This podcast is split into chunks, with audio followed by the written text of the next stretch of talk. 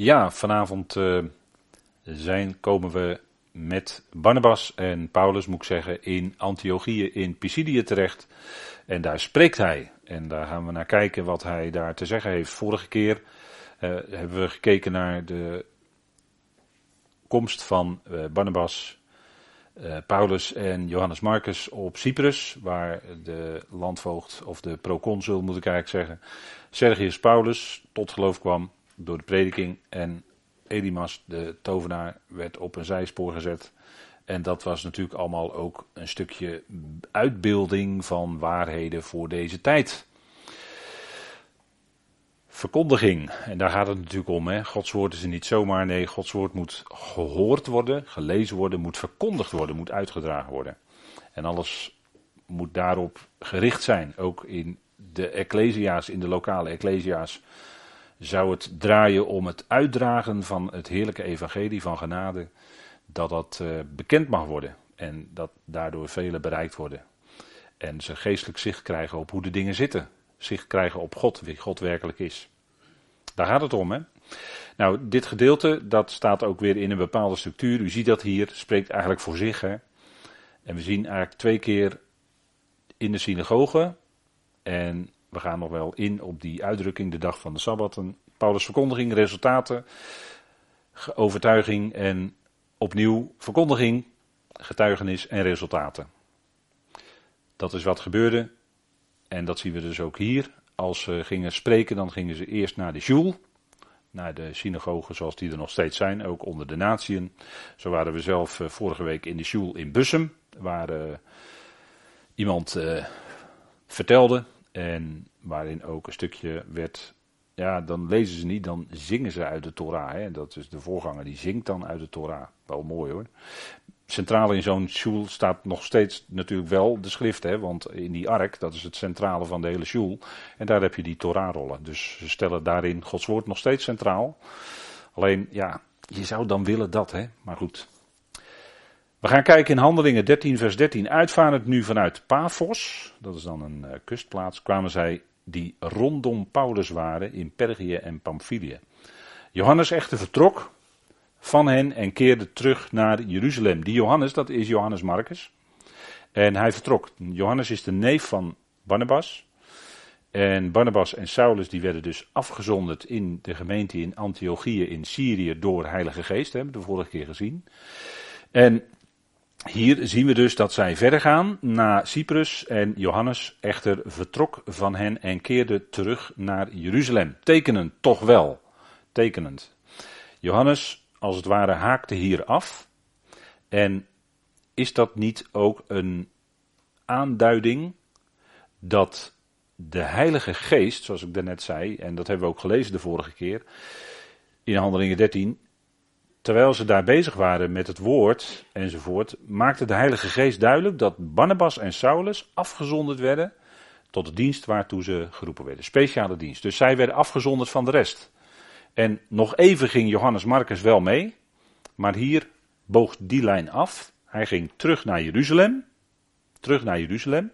Terug, waar, terug naar daar waar de afwijzing van het evangelie van het koninkrijk prominent was geworden. En hier gaat de bediening van dat koninkrijksevangelie, te midden van de verstrooiing onder de natieën, moet ik dan zeggen, als ik het even ga preciseren. De verstrooiing van Israël onder de natieën, die wordt nu aangesproken. En dat was een aparte dienst waarvoor Barnabas en Saulus, Paulus, werden afgezonderd. De eerste pure heiden, om het zo maar te zeggen, dat was Sergius Paulus, die kwam tot geloof. En dat was een eerste aanduiding van dat er iets anders ging gebeuren. Maar nog lezen we steeds, en dat is ook precies wat de handelingen duidelijk maakt, geeft antwoord op de vraag die de discipelen aan de Heer Jezus stelden in handelingen 1. Heer, zult u in deze tijd het koninkrijk aan Israël weder oprichten. En toen zei de Heer, dat is niet aan jullie, maar dat is aan de Vader om dat te bepalen. En het boek Handelingen geeft daar dus antwoord op, op die vraag. Hoe ging dat nou met die verkondiging? Hoe ging dat nou met Israël, met dat koninkrijk? Ging dat nou nog door, ja of nee? Handelingen spreekt daarover. En dan zijn we nog steeds, dat is de lijn hè. Dus even heel kort resumerend, even terug naar het begin. Dat is de lijn van handelingen. Dus dat is wat we volgen. En dat is wat ook hier gebeurt. Maar toch is hier al een afbuiging, zou je kunnen zeggen. Want Johannes Marcus was de neef van Barnabas. En Barnabas was een leviet. En daar zat toch een lijntje van het vlees. En dat werd hier toch al een beetje afgebogen, zou je kunnen zeggen. Dat was al een vleeselijke lijn. Hè? Een lijn van afstamming, van familieverband. En daarmee wordt duidelijk dat nee, het gaat om de lijn van de geest. Heilige Geest had Barnabas en Saulus afgezonderd. En niet specifiek Johannes Marcus. Dus dat moeten we even vasthouden. Hè? Dat is dus de geestelijke lijn die hierachter ligt. Johannes echter vertrok. En natuurlijk komt later komt hij weer tevoorschijn in Handelingen 15. En nog later, ja, inderdaad, in Colossense en in 2 Timotheus wordt Johannes weer genoemd en dan onder de naam Marcus. Maar dat is Johannes Marcus en Paulus identificeert hem dan ook in Colossense als de neef van Barnabas. Dus dan is duidelijk dat aan het einde, eh, veel later in de tijd, als Paulus al volop bezig is met zijn volle bediening voor de roeping van het lichaam van Christus, het geheimenis, dan is Marcus weer bij hem. En dan is er toch een toon van genade, dat hij dan toch weer mee kon werken en is daar ook een opmerking van Paulus in Colossense dat Johannes Marcus, net als de anderen die uit de besnijdenis zijn, hem tot troost zijn geworden in het koninkrijk Gods. Dus ze noemt hij ook nog koninkrijk. Dus daar zien we, als je die lijntjes volgt, dat zijn de verfijningen, zeg maar, dan wordt duidelijk dat, dat Johannes tijdelijk op een andere lijn zat, maar er toch weer bij kwam. En dat had toch iets met het vlees te maken en dat kan ook niet anders. En dan uh, gaan zij verder. Zij nu doorkomend vanaf Perge arriveerden in Antiochië, Pisidië. Dus u ziet het op de kaartjes hier. En binnenkomend in de synagoge op de dag van de Sabbatten gingen zij zitten. U ziet hier op het kaartje, ze kwamen dus vanuit Antiochië in Syrië. Dat is dus de gemeente waarvan ze, waar binnen ze afgezonderd werden door de Heilige Geest. Ze gingen via Cyprus en ze gingen naar boven via Perge, dat is dan de kustplaats, en komen dan in een ander Antiochië terecht, het Antiochië in Pisidië. En die naam Antiochië, dat hebben we de vorige keer gezien, die heeft te maken met Antiochus Epiphanes. En daar had je een hele serie van, maar dat, was, uh, dat had te maken met de uh, Seleucus, de Seleuciden en, uh, enzovoort, die vier generaals. Maar dat hebben we vorige keer met elkaar bij stilgestaan zijn nu doorgekomen vanaf Pergië, dus dat is een hele reis, want ze reizen in principe te voet of per schip. En als ze wat meer hadden, misschien te paard, maar voor Paulus was dat te voet. Dus dat waren enorme afstanden die dan werden afgelegd. En zij gingen, en ze kwamen in Antiochië en zij gingen in de synagoge op de dag van de Sabbatten. En zij gingen daar zitten. En deze uitdrukking, want hier gebeurt natuurlijk wel iets bijzonders. Ze zijn nu uitgezonden en zij komen nu te midden van de natie terecht. En dat is toch een aanzet van een nieuwe fase in de bediening van Saulus Paulus. En hier wordt gesproken over de dag van de Sabbatten. En wat is dat nou voor een uitdrukking? Wat moet je daar nou mee? En die uitdrukking die komt ook voor in, u ziet de teksten staan, en als u die twee teksten zou nagaan, dan zijn dat ook specifieke momenten. Lucas 4, waarop de Heer zijn eerste bediening ook begint te midden van zijn volk. En gaat daar ook naar de synagoge. En in Handelingen 16, dan zijn we ook weer na het apostelconvent. En dan, en dan gaat Paulus weer verder. En dat is ook weer een volgende fase in zijn bediening. En dat gebeurt ook op de dag van de Sabbatten. En wat is nou, wat betekent die uitdrukking nu? Want daar is nogal veel verwarring over. En door de vertalingen, ja, dat is moeilijk, moeilijk. Ik slik even een paar woorden in en ik vat het maar even samen met het woord moeilijk, de vertalingen. U weet het inmiddels dat het nogal moeilijk ligt. Hè? Kijk, wat betekent nou die dag van de Sabbatten? Betekent eigenlijk twee Sabbatten op één dag. En dat zal ik proberen aan u duidelijk te maken. In Leviticus 23, heel bekend, werden de gezette hoogtijden van Yahweh ingesteld. En als u die nog eens na wil lopen, daar heeft uh, Hans Bouwman goede studies over geschreven, die allemaal in de UR's gepubliceerd zijn, de Nederlandse UR. En daar heeft ze al die gezette hoogtijden van Yahweh heeft ze behandeld. ze worden altijd aangeduid als feesten, het zijn ook hoge tijden. Maar als je het, het Hebreeuwse woord nagaat, staat er eigenlijk gezette tijden. Het woord feest is een beetje te feestelijk vertaald misschien. Maar dat is, en als we kijken in Leviticus 23, vers 5 tot en met 18, dan is dat die bekende cyclus van Pesach tot Shavuot. Hè, Pascha tot Shavuot. Dan had je het Pascha was de veertiende Nisan of Aviv. En daarop moest het lammetje geslacht worden, waarvan bloed oorspronkelijk aan de deurposten gesteken was, om de uittocht uit Egypte te gedenken met elkaar. Waarop de engel, of moet zeggen boodschapper, boodschapper van het verderf voorbij ging. Als het bloed gezien werd. Dat was natuurlijk een heenwijzing naar de Messias, bloed van de Messias, uiteraard. Het lammetje was ook een heenwijzing naar de Messias, het bloed, deurposten ook. En nou, zo kunnen we wel doorgaan. Allemaal heenwijzingen naar de Heer. Maar 50 dagen moesten geteld worden. En dat moest geteld worden vanaf de 15e Nisan. En er moesten er zeven, eigenlijk staat er, er moesten, wij zeggen dan 50 dagen, maar er moesten eigenlijk zeven volledige sabbatten geteld worden. En die zeven sabbatten, dat zijn de gewone weeksabbatten. Dus na Pesach, eerste dag van de ongezuurde broden viel daarna. dat wordt, in, dat wordt in, door, helaas door gebrekkige vertaling ook nog wel eens met elkaar verward. Maar de veertiende Nisan is de dag van Pesach, van Pascha, waarop het lammetje geslacht werd. En de vijftiende Nisan is de eerste dag van het feest van de ongezuurde, de Matzot. Dus daar moet je goed onderscheid in maken. 14 is Pascha. En de 15e wordt dan wel eens genoemd het feest van Pascha, maar dat is niet het Pascha strikt genomen zelf. Ik hoop dat dat even duidelijk voor u is. Hè? En dan had je dus de feest van de ongezuurde. En dat was van de 15e tot en met de 21ste en zo wil de 22e, want er was ook nog een achtste dag. Maar de 15e, Daarop mochten ze geen enkel werk verrichten. Jullie mogen geen enkel dienstwerk verrichten. En dat was dus nog strenger dan een gewone weekshabbat. De 15e Nisan was een grote jaarsabbat, zoals we dat noemen. En net als de 21ste.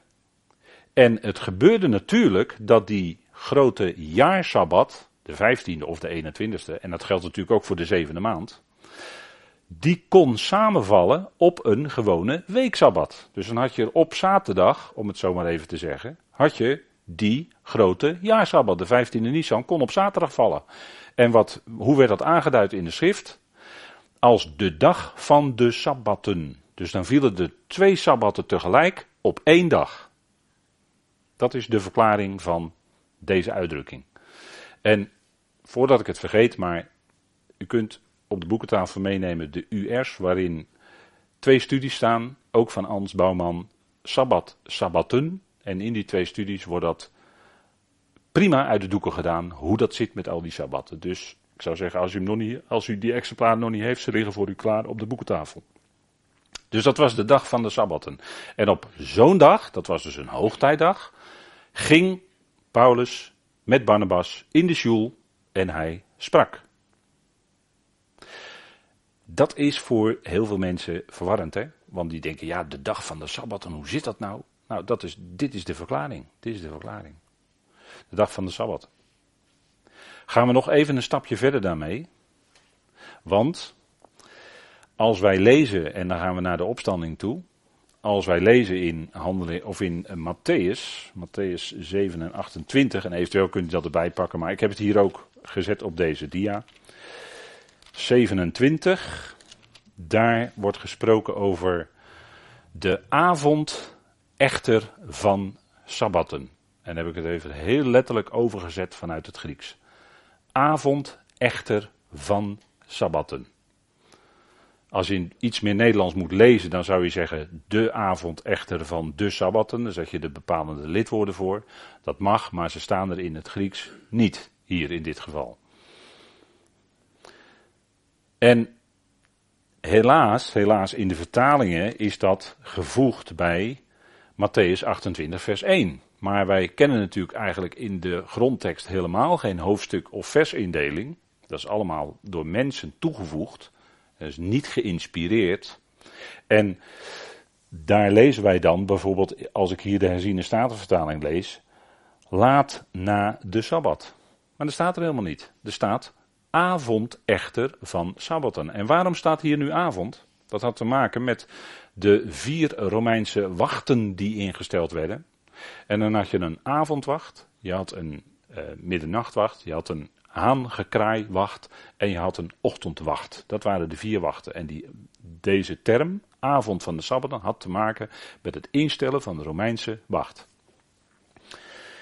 En dan krijg je direct, in feite waren ze veel beter, dan was het veel duidelijker geweest. Matthäus 28, vers 1 mee hadden kunnen laten beginnen. Dat is toen het licht begon te worden, en dan staat er in mijn vertaling, op de eerste dag van de week. Alleen dat staat er niet. Dat staat er niet in het Grieks. In het Grieks staat bij het oplichten naar binnen één van sabbatten. En ik heb het woordje de heb ik hier tussen haakjes gezet, omdat het niet in de grondtekst staat. En je mag hier eventueel het woord dag bijlezen, omdat het woord één, en dat is even Griekse grammatica, wijst op dat ze uh, heeft een vrouwelijke uh, vorm in, de, in, de, in het Grieks.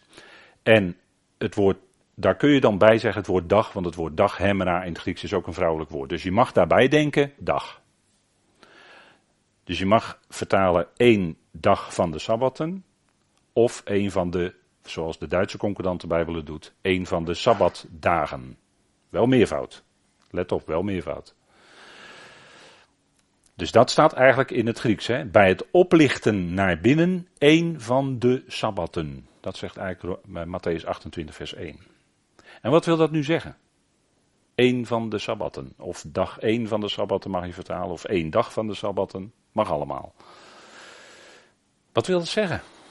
Nou, die sabbatten, dat had te maken dus met die cyclus. Want het was net Pesach geweest. De Heer had op de avond op een avond. En toen was de veertiende was al begonnen, laat op de avond. Toen was de veertiende Nisan al begonnen. Had hij met zijn discipelen het laatste Pessachmaal gehouden. En de volgende dag, en dat was middags rond drie uur, waarop normaal de Pessachlammeren geslacht werden, werd hij zelf gedood aan het kruis op Golgotha, was hij zelf het lam. En dat gebeurde allemaal op de veertiende Nisan. En s'avonds om zes uur, zeg maar, bij zonsondergang, begon de vijftiende Nissan. Even duidelijk stellen, hè. En dan de volgende ochtend, de volgende ochtend, was het nog steeds 15 Nissan. En toen was hij dood in het graf. En die ochtend daarna stond hij op uit de dood. Die 15e Nissan was dus een grote jaarsabbat. En dat was in dat jaar vielen die vrijdag en die zaterdag, die grote jaarsabbat en de weeksabbat, die vielen na elkaar. En vandaar dat er hier staat, de avond van de sabbatten. Die avond van de sabbatten was de avond waar ik net aan refereerde, waarop de Heer met zijn discipelen het Pessachmaal hield. En die avond, die maakte deel uit, nee, sorry, ik zeg het niet goed. Dit was de avond van de, uh, van de 14e Nissan, waarop tegelijkertijd, want dat, dat, zo wordt dat gezien, hè, waarop tegelijkertijd ook de 15e begon. De avond van de 14e viel, dus de Heer werd in het graf gelegd. De viel de avond van de 14e. En de avond, dat was tegelijkertijd het begin van de 15e. Dus die avond maakte eigenlijk deel uit van twee sabbatten, zou je kunnen zeggen. Zo wordt het ook gezien. En dat is misschien een beetje moeilijk, maar daarom die uitdrukking de avond echter van de sabbatten. Want die avond maakte deel uit van twee sabbatten. Van de grote jaarsabbat, de 15e Nissan, en van de normale weeksabbat. Dus die begon op de avond van de 15e, begon ook tegelijkertijd de 16e. En dan de volgende ochtend was de 16e, en dat was één van de sabbatten. Waarom staat dat er nou zo? Dat was de eerste sabbat van die reeks van zeven die ze moesten tellen van Pasen naar Pinksteren. Om het zo maar te zeggen. Vandaar dat er staat één of dag één van de sabbatten. En op die dag, op die weeksabbat dus, stond de Heer op uit de dood. Dat was op dag 1 van de Sabbat. En die uitdrukking, 1 van de Sabbaten, of dag 1 van de Sabbaten, die wordt steeds, als je in de schrift dat na gaat zoeken, wordt steeds gebruikt binnen die cyclus van Pasen naar Pinksteren. En die wordt in onze vertalingen, zo heb ik het hier ook voorgelezen, steeds vertaald met eerste dag van de week. Alsof dat op een zondag was dat de Heer opstond. Want dat wordt door iedereen dan gedacht. Maar dat was niet zo. De Heer stond op op een sabbat, op de zaterdag, op een gewone weeksabbat. Want dat is ook exact wat hier staat. Bij het oplichten naar binnen, één van de sabbatten. Er staat dus niet week, maar er staat sabbatten. Meervoud. En er staat niet hier het enkelvoud week. Want dat is een ander woord in het Grieks. Simpel. Gewoon lezen wat er staat. En het woord één staat hier ook en niet het woord eerste, want dat is ook een ander woord in het Grieks. Dus daarmee zegt de grondtekst duidelijk dat de Heer opstond op één van de sabbatten, op een gewone weeksabbat. En een uitgebreide onderbouwing, die kunt u terugvinden in de US. Het is allemaal al gepubliceerd, al lang gepubliceerd. Dus u kunt het gewoon terugvinden dat is allemaal onderbouwd. En hij stond op, de Heer stond op, op een gewone weeksabbat op de 16e Nisan. En dat was de eerste van de cyclus van zeven die geteld moesten worden tot aan Shavuot. Ja, dat is wat de schrift duidelijk maakt. Hè? Dus uh, je verandert, als je zegt, hè, zoals hier in de herziene statenvertaling, als je zegt eerste dag van de week, dan ga je dus het woord 1 veranderen in eerste. En je gaat het woord week veranderen in, of je gaat het woord sabbatten, wat er staat, ga je veranderen in week. En dat kun je niet maken. Dat kan je niet maken. Dat, dat, dat kan je niet doen. Want dan ga je weergeven in jouw vertaling iets anders dan wat er letterlijk in het Griek staat. En in dit geval is dat zeer precair, want het gaat wel om de opstandingsdag van onze Heer. En je ziet dus in de vertalingen dat het, maar als je hele oude Nederlandse vertalingen gaat raadplegen, en die zijn op internet gewoon beschikbaar, dan wordt er ook nog gesproken over Sabbat en Sabbaten in deze teksten waar het gaat, die later allemaal vertaald zijn met eerste dag van de week. En weet u waar dat mijns inziens door komt? Dat komt door de druk vanuit dat de zondag geheiligd moet worden. En dat de zondag gezien moest worden als de dag van de opstanding. Maar je moet wel daar schriftuurlijk bewijs voor hebben. En dat bewijs is op tafel gelegd. En dat bewijs is dat niet op de zondag onze Heer opstond, niet op de 17e, maar op de 16e Nisan, op een gewone weeksabbat. Dat is wat de schrift duidelijk maakt. Dus wat dat betreft denk ik, we kwamen die uitdrukking de dag van de Sabbaten tegen. Ik denk, ik wil dat toch nog eens voor het voetlicht brengen. En u kunt gewoon de oude UR's of online of op papier raadplegen. Waarin de studies gepubliceerd zijn, waarin dat gewoon goed onderbouwd uh, aangereikt is aan u. Goed, we gaan verder. De, hij sprak dus, hè, hij zat, ze, ze namen dus zitting in de synagoge op de dag van de Sabbaten. Nogmaals, dat was de dag waarop twee Sabbaten tegelijkertijd vielen op één dag. En dat was dus net weer iets anders dan de opstandingsweek hè, waarop onze Heer opstond. Dan had je eerst de grote jaarsabbat op vrijdag, op zaterdag de gewone weeksabbat en toen stond hij op. En hij werd dus gekruisigd, ja. En dat gaat ook natuurlijk tegen de tradities van mensen in. Hij werd dus gekruisigd op donderdag en niet op vrijdag. En wij en de christenheid viert Goede Vrijdag. Maar eigenlijk is het Goede Donderdag. Dus ja, dat is uh, ja, traditie van mensen. En dan blijkt maar weer, en dat is heel vaak blijkt dat zo te zijn, dat de schrift toch weer iets anders zegt dan de tradities van mensen. En kijk, de Heer was zachtmoedig en nederig van hart. Maar als het ging om tradities van mensen, dan weet u dat de Heer nogal, nogal fel werd, hè? Nogal, nogal. Want het ging om het woord van de Vader natuurlijk. Hè? Dus dat moet wel op tafel blijven. En de dag van de Sabbaten, dat is dus een andere dan de opstandingsweek. Dan viel de grote jaarsabbat. bijvoorbeeld de vijftiende, viel tegelijk met de gewone weeksabbat. Was daarom de uitdrukking de dag van de sabbatten.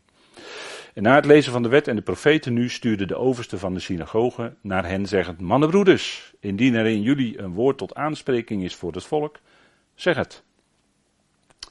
Dat is de gewoonte nog steeds. Hè? Daar zijn verschillende cycli van het lezen van de wet en de profeten. Er is een stroming die leest de wet in drie jaar door. En dan is er ook altijd de Haftara-lezing, zoals ze dat noemen, de, de, de profetenlezingen. En er zijn er die, is een stroming die lezen de Torah.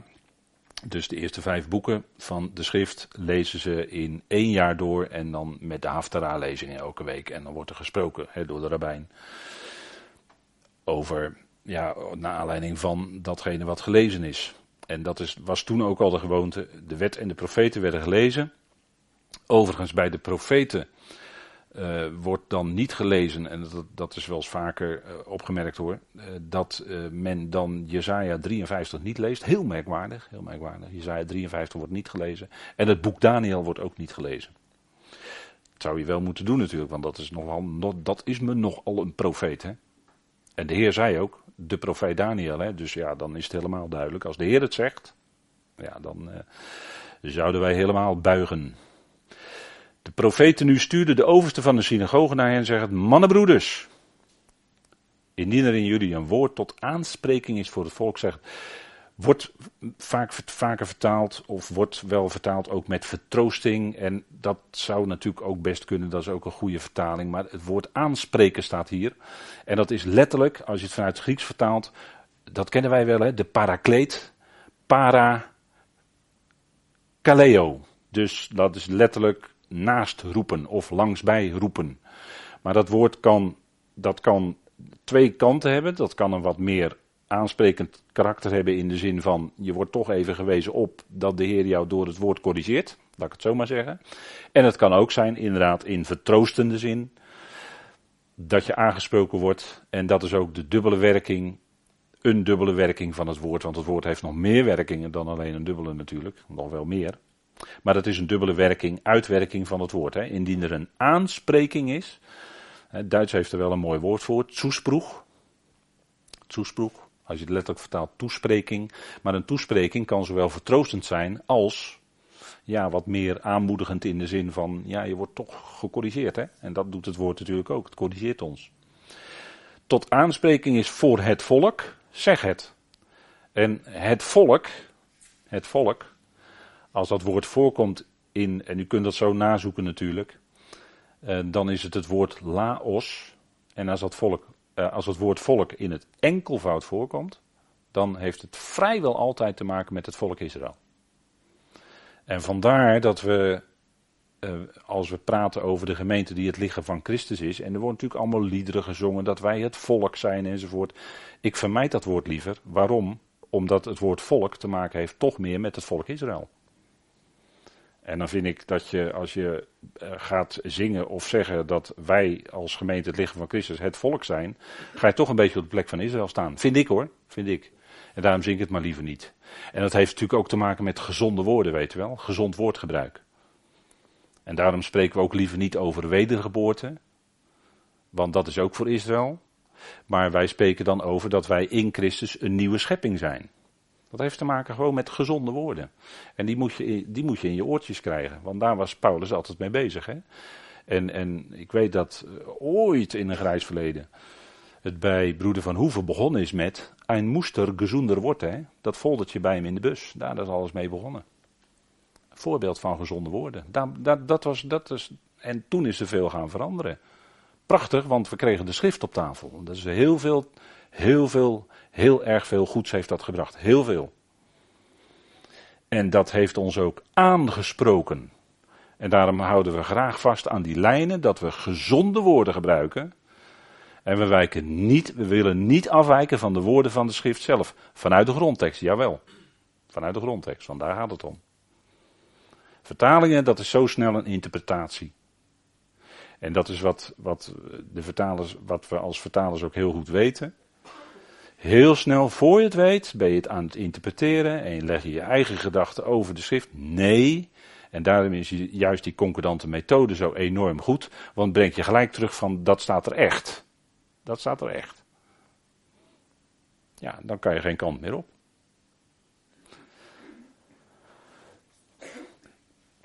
Paulus spreekt. En dan zien we hier een structuur geadresseerde. En dan gaat hij eerst spreken over wat deed God voor Israël. Culmineerde het in David als koning. Dus er zit wel echt een structuur in zijn spreken hoor. En dan een getuigenis, belofte vervuld. De geboorte van de Messias, Johannes Dopers bediening. En dan zien we hier in het tweede deel van zijn toespraak. Ook een soortgelijke structuur. Spreekt hij ze weer aan, zijn toehoorders. En dan gaat hij vertellen, nadat hij eerst had gezegd wat God voor Israël had gedaan, alle goedheid van God om het zo maar te zeggen, wat Israël daar vervolgens mee deed. Wat deed Israël daarmee? En dan getuigenis, belofte vervuld en Paulus' bediening. In tegenstelling tot de bediening van Johannes. Of in het verlengde moet ik eigenlijk zeggen. En misschien een klein beetje in tegenstelling al met Paulus nu opstaand, dan gaan we kijken naar wat hij zei. Paulus nu opstaand en gebarend met de hand zei, mannen, Israëlieten, en zij die God vrezen, luistert. En dan spreekt hij dus twee groepen hier aan. Eerst mannen Israëlieten, Paulus kreeg het woord, mannen Israëlieten.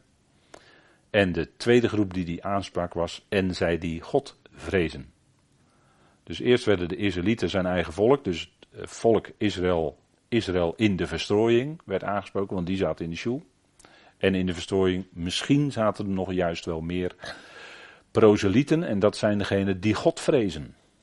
want wie zaten er in de synagoge? Nou, geen afgodendienaars uit de heidenen. Nee, er zaten Godvrezenden. Die al genaderd waren tot de God van Israël. Proselieten dus. Wat we ook hebben gezien bij Cornelius. Dat was een proseliet van de poort.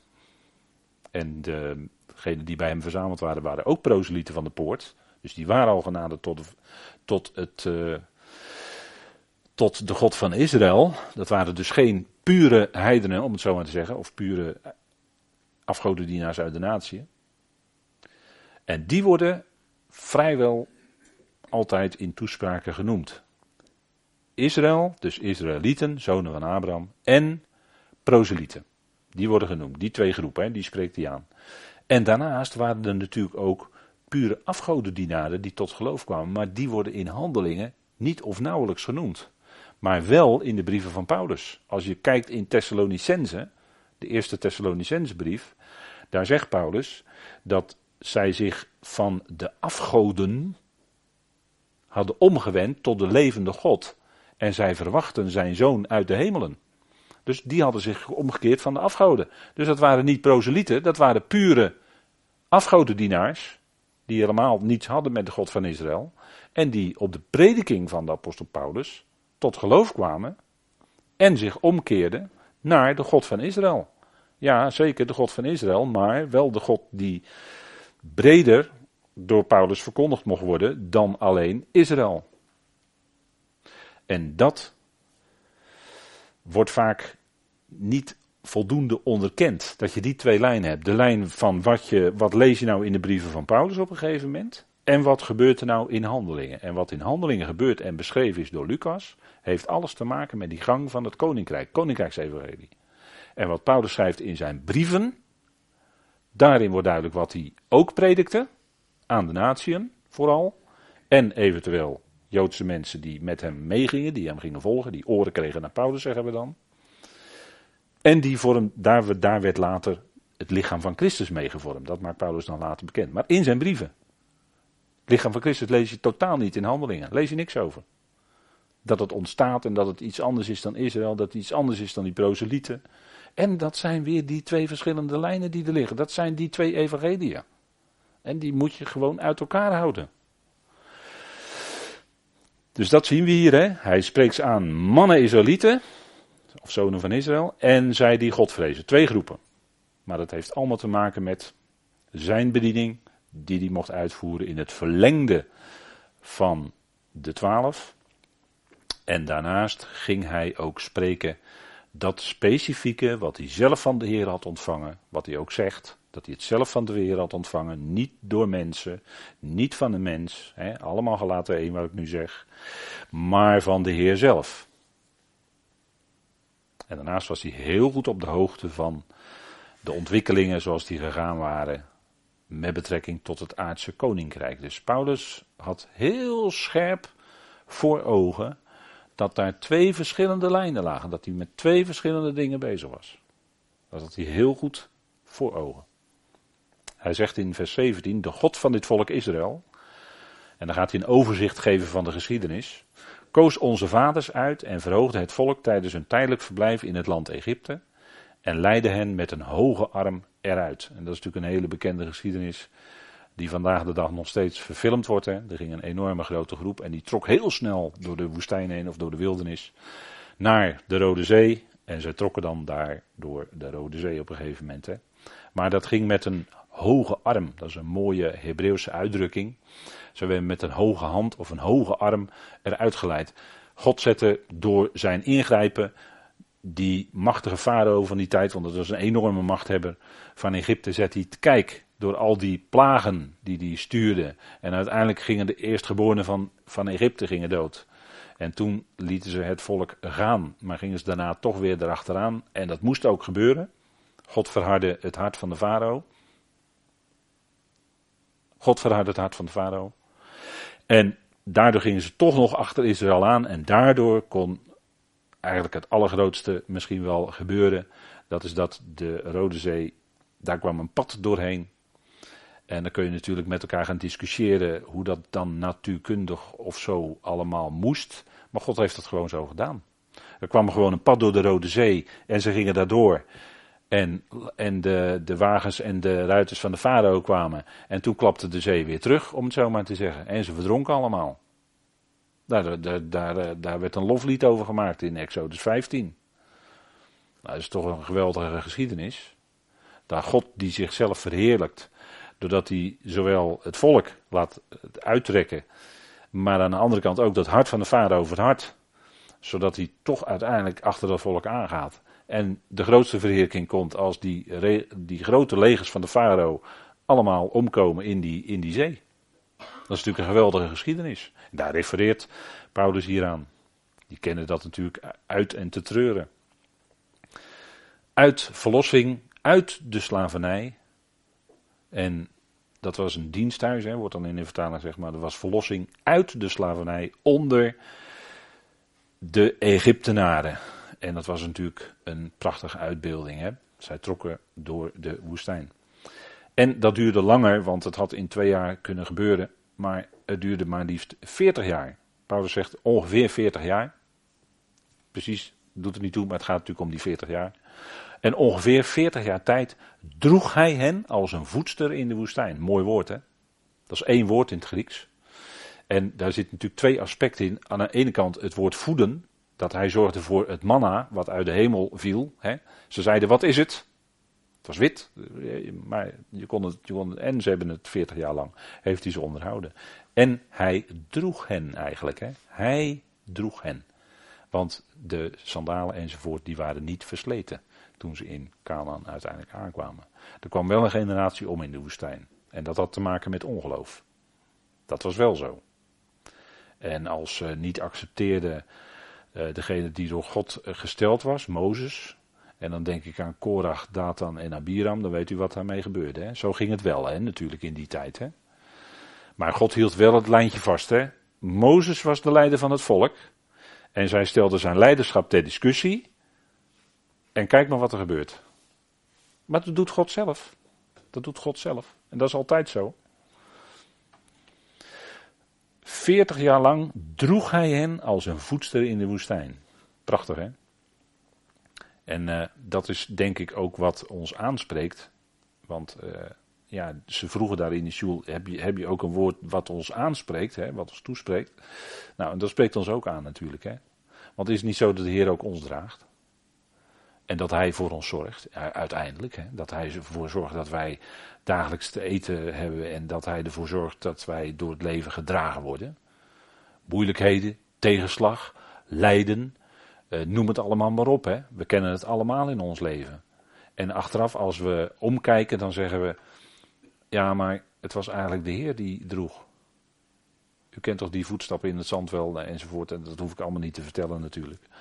Maar als je dan achteraf terugkijkt, dan zeggen: Ja, Heer, dank u wel, want u was het eigenlijk die droeg. U heeft er doorheen gedragen, u heeft wijsheid gegeven. En ook door mijn fouten heb ik ook wijsheid geleerd, zegt u dan. En dat denk ik dat we dat ook allemaal gewoon tegen onszelf kunnen zeggen. Ja, Heer, ook door mijn fouten heb ik ook wijs, ben ik ook wijzer geworden. En dat is eh, nou eenmaal de weg die we allemaal moeten gaan. Maar uiteindelijk is de Heer die draagt. En die draagt door die woestijn van het leven heen. Hè. Dat is natuurlijk een prachtig beeld van, zoals Israël door de woestijn trok, zo trokken wij ook door de woestijn in zekere zin, hè, door het leven heen. En wat, we dan, wat dan met ons meegaat is niet het manna, maar dat is de Heer zelf, want Hij is het levende woord natuurlijk. Hè. Hij zei, ik ben dat manna wat uit de hemel is neergedaald. Dat zei de Heer van zichzelf, ik ben brood van het leven. Hij is degene die ons voedt. We zitten niet zonder manna, nee, we zitten, we zitten met, met dat manna. Hij is het levende woord. En dat hebben we gewoon nodig in ons leven. Hij voedt ons. En hij draagt ons. dat zegt de psalmist toch ook. Dag aan dag draagt hij ons. Jazeker, zo is het ook. Want u dacht toch niet dat u het allemaal zelf heeft kunnen doen, hè? Kijk, zolang we dat ja, dan moet er nog wat gebeuren. Zolang u dat nog denkt, hè, dat u iets van uzelf, of dat u zelf dingen voor elkaar kan boksen, dat u zelf dingen kan. Zolang u dat nog denkt, ja, dan moet er nog iets gebeuren. Dan moet u nog tot verder inzicht komen. Want je kunt het allemaal niet zelf. En uiteindelijk ga je erkennen dat alles, alles wat je hebt, dat heb je van Hem ontvangen. En alles wat je kunt, dat kun je alleen maar door de kracht, omdat Hij daarvoor de kracht geeft. Kijk, als je tot die erkenning gaat komen, dan ben je een heel eind op streek hoor. Dan ben je heel eind op streek. Want dan, uh, zoek, dan, dan ben je ook zo ver dat je het ook niet meer in eigen eer zoekt. En dat is ook de werking van het kruis in ons leven natuurlijk. Hè? We zijn samen met Christus gekruisigd. En er zijn verschillende UR's uitgekomen waarin de boodschap van het kruis heel duidelijk naar voren kwam. En ik denk dat het niet voor niks was. Is. Want in de komende UR komt ook weer een artikel wat te maken heeft met het kruis. En dan gaat het over dwaasheid en wijsheid van het kruis. Maar dat is de essentie van het evangelie van Paulus. Hè? Dat draait om het kruis en de opstanding van onze Heer Jezus Christus. Maar ook de doorwerking van het kruis in ons persoonlijk leven. Want daar gaat het om. Dat maakt een einde aan al onze eigen pretenties. Als wij denken dat wij nog zelf iets kunnen, daar maakt de prediking van het kruis en het woord van het kruis maakt daar een radicaal einde aan. Want dat is de boodschap voor de oude mens. Mede gekruisigd met Christus. Dat is, dat is wat de oude mens, de enige plek voor het vlees, dat is de enige plek voor de oude mens, toch? En zolang wij als mens zelf nog enige pretentie in wat dan ook hebben, ja, dan, dan, heeft die bood, dan denk ik van ja, dan heeft die boodschap van het kruis kennelijk nog niet voldoende doorgewerkt. En dat is ook als je jezelf betrapt op een gedachte dat dat, dat, dat, gaat ons allemaal aan natuurlijk. Dat is heel wezenlijk hoor, dat kruis. Heel wezenlijk, dat, daar gaat het om. En natuurlijk zegt u de opstanding, zeker, zeker. Ja, de opstanding ook. Natuurlijk. Dat is, dat is ook essentieel. Maar daarmee zouden we niet snel, net als de Corinthiërs, voorbij lopen aan de prediking van het kruis. Want Paulus zei juist tegen die vleeselijke Corinthiërs: Onder jullie wil ik niets anders weten dan Jezus Christus en die gekruisigd. Zo. Dat is een ernstige boodschap. Dat is een ernstige boodschap. Dat is niet lichtvaardig, maar dat gaat heel diep en dat gaat heel ver. Dit. En dat, dat is waar onze Heer ook zelf gekruisigd werd. En wij met Hem, hè? Wij met Hem. Kijk, en dan, als, als die boodschap tot je doorgedrongen is, en dat snijdt heel diep hoor, dat snijdt heel diep dat vlees van je af. Heel ver, want het moet helemaal eraf. En dan blijft over ja, het volle vertrouwen, maar dan ook echt het volle vertrouwen in de werking en de kracht van die geest van God. Want dan besef je, nee, die nieuwe mens, dat is helemaal van hem, dat is helemaal zijn geest in mij. De doorwerking. Dat is ook die nieuwe schepping. in Christus zijn we een nieuwe schepping. Geweldig. Maar dat betekent tegelijkertijd dat het oude voorbij is. Want Paulus zegt, wij kennen van nu aan niemand meer naar het vlees. 2 Korinthe 5. Dat is ook de prediking van het kruis. Dan zijn we dus in de tweede Korinthebrief, zijn we zoveel hoofdstukken verder. En heeft Paulus het tegenover die Corinthiërs nog steeds over de prediking van het kruis. In feite, hè. Dat we niet meer voor onszelf zouden leven. maar voor hem die voor ons stierf en opgewekt werd. Dat is wat hij zegt. En dan zegt hij, we zijn in Christus een nieuwe schepping. Ja, fantastisch. Daar danken we de Heer voor. En zo draagt hij dan ons, hè, met, met dat diepe weten, om het zo maar te zeggen. Met dat diepe weten draagt hij ons als een voedster door de woestijn. Hè, dat dragen is dan, laten we maar zeggen, de, hè, als ik het even heel menselijk mag zeggen, de mannelijke kant van God. En dat voedster is dan de vrouwelijke kant van God. En dat klinkt misschien wel heel wonderlijk als ik dat zo zeg, maar dat is wel zo. En dat zijn gewoon die twee kanten, wat de Heer al, wat God doet, wie God is. dat, dat is, uh, ja, dat is natuurlijk geweldig.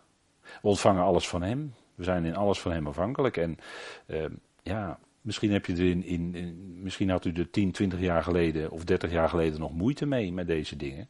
Maar dan zegt u nu, ik ben er heel blij en ik ben er heel dankbaar mee. Nou, dat is heel fijn. Want dat is ook een stuk groei in de diepte van je geloof. Dat heeft, met, dat heeft alles met dat kruis te maken hoor. Dat is niet alleen aan het begin van je geloofsleven. Hè, dat je gelooft dat Jezus voor jou persoonlijk gestorven is aan het kruis. Dat is geweldig als je dat gelooft. Maar dat is het begin, dat is een startpunt. Maar daarna gaat de doorwerking van die boodschap van het kruis. En dat gaat dus heel ver. Dat gaat een groeiproces in je bewerken. Dus we blijven, dan blijf je ook bij. In al Paulus' brieven, tot, tot en met de volkomenheidsbrieven, komt het kruis naar voren hoor. Dus ja, dat, dat gaat, gaat natuurlijk heel ver. Dat heeft met groei te maken, geestelijke groei. dat, is, dat is in de diepte. dan, daar, gaan, daar gaan je worteltjes van je, van, je, van je geloof, om het zo maar te zeggen, gaan steeds meer wortelen ook in de liefde. dat is waar Paulus het over heeft in de Efezebrief. 40 jaar lang. En dan denkt u, ja, 40 jaar is best lang. Maar als je erop terugkijkt, zeg je, ja, het was maar een zucht. Hè. Dat zegt Jacobus ook, het leven van een mens is als een damp. Hè. Het is zo voorbij. 80, 90, 100 jaar, maar het is zo voorbij. En gezegend ben je als je in die jaren, als je, als je God, als je zijn woord hebt mogen leren kennen. En dat in je is gekomen en je, en je gelooft dat en je leeft daarmee, je leeft daaruit. Ja. Hij doet het in ons leven. Echt met een hoofdletter. Hij doet het. En, en dat, dat ontslaat ons van een heleboel eigen kunnen, proberen en moeite en, en verkeerde zweedruppels en maar dienen, er blijft natuurlijk genoeg dienstwerk hoor. Als je, als je erkent van, uh, ja, ik, ik, ik kan het niet zelf, maar hij doet het. Dat dienstwerk, dat, dat, dat is dan overvloedig hoor. Wat op je, op je weg komt op een of andere manier. En, en straks in de komende eonen gaat het dienstwerk gewoon door, te midden van de hemelsen. dat stopt niet bij de bazuin. Maar ik zou bijna willen zeggen, dan begint het pas echt. Dan begint het pas echt. En dan gaan we dienstwerk doen. Ja, daar had u nog nooit aan zo gedacht. Dat gaan we zien. Goed, we gaan even met elkaar pauzeren, want ik zie dat het alweer de hoogste tijd is voor een bak koffie of water of wat u ook wil.